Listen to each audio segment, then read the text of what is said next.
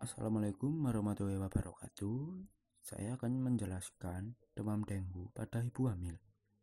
Penata laksanaan demam dengue pada ibu hamil terbilang rumit karena dokter harus memikirkan keselamatan tidak hanya ibu, tapi juga janin yang dikandungnya. Demam dengue masih menjadi masalah utama di negara tropis seperti Indonesia. Data WHO memperkirakan terjadi 50 hingga 100 juta infeksi dengue per tahun di seluruh dunia. Selain itu juga diperkirakan sebanyak 500.000 jiwa mengalami demam berdarah dengue atau DBD dan 20.000 kematian akibat infeksi dengue.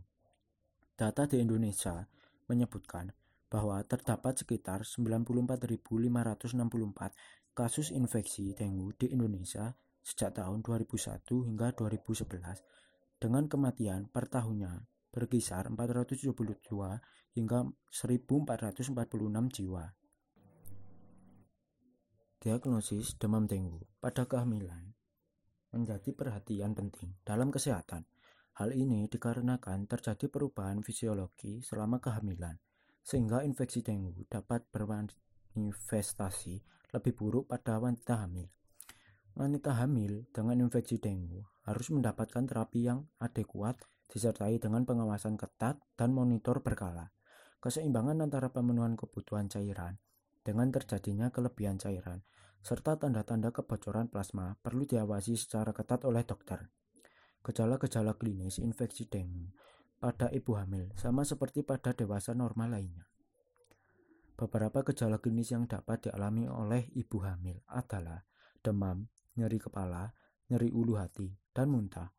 Beberapa pasien dapat datang dengan demam tinggi dan mendadak yang disertai nyeri retroorbita, atralgia, mialgia, atau bercak-bercak di kulit. Pasien juga dapat datang ke pelayanan kesehatan dengan tanda-tanda perdarahan seperti PTGI, epistaxis, perdarahan gusi, atau hematemesis.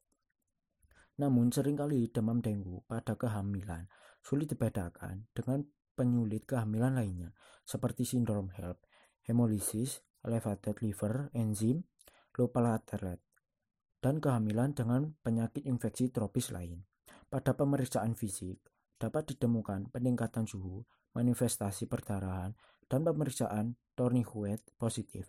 Tanda-tanda lain yang harus diketahui dokter adalah tanda terjadinya dehidrasi pada pasien.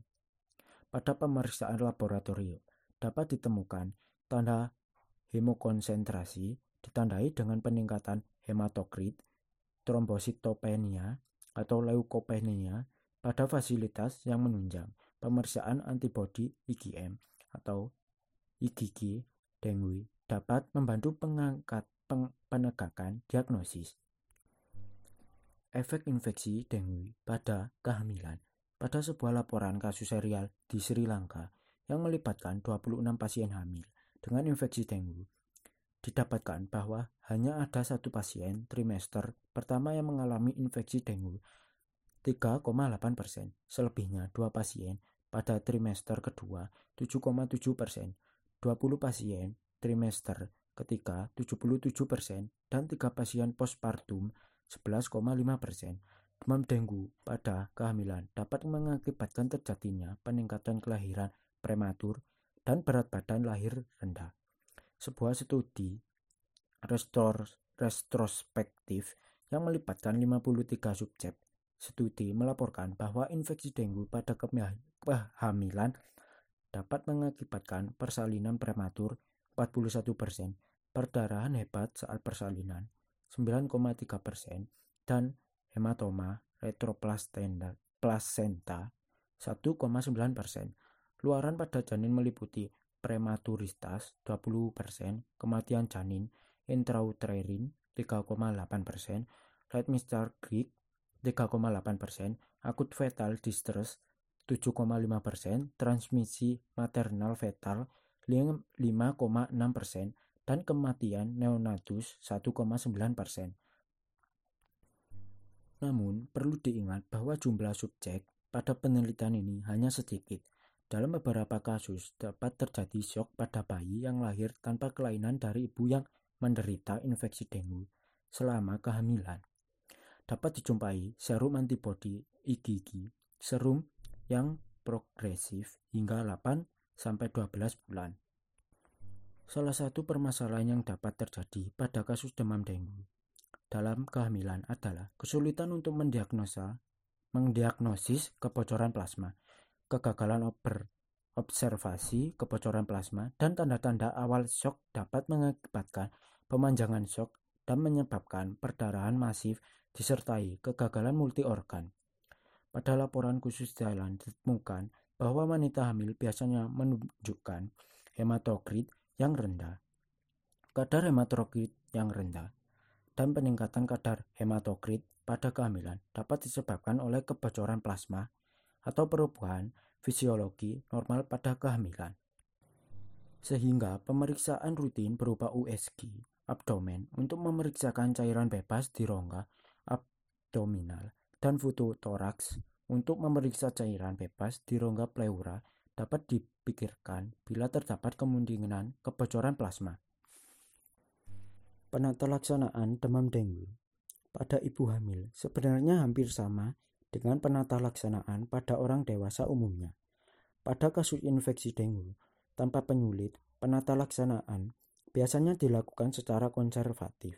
Ibu hamil dengan infeksi dengue sebaiknya dirawat inapkan di tempat terpisah dari ibu hamil lainnya. Penata laksanaan konservatif dilakukan pada pasien dengan melakukan tirah baring, pemberian diet lunak, disertai dengan konsumsi air satu setengah hingga dua setengah liter dalam sehari.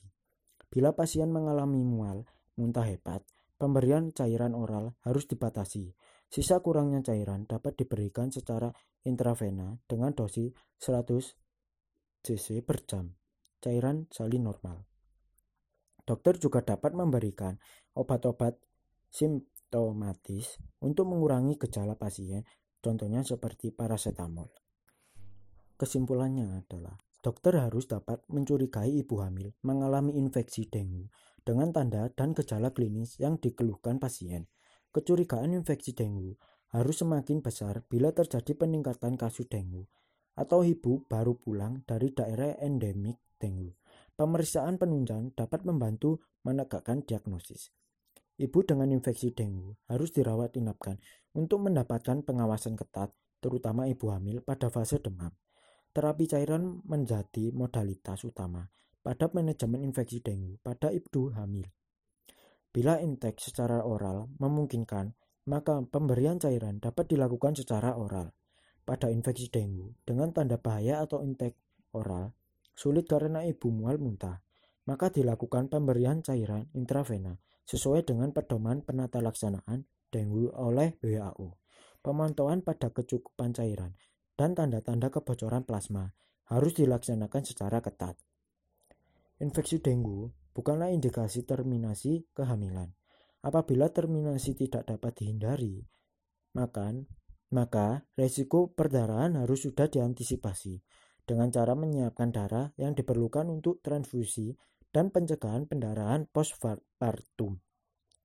Neonatus yang lahir dari ibu dengan infeksi dengue harus dipantau secara ketat agar transmisi vertikal dapat didiagnosis sedini mungkin. Ya, demikian penjelasan dari saya. Bila ada salah kata, mohon maaf. Wassalamualaikum warahmatullahi wabarakatuh.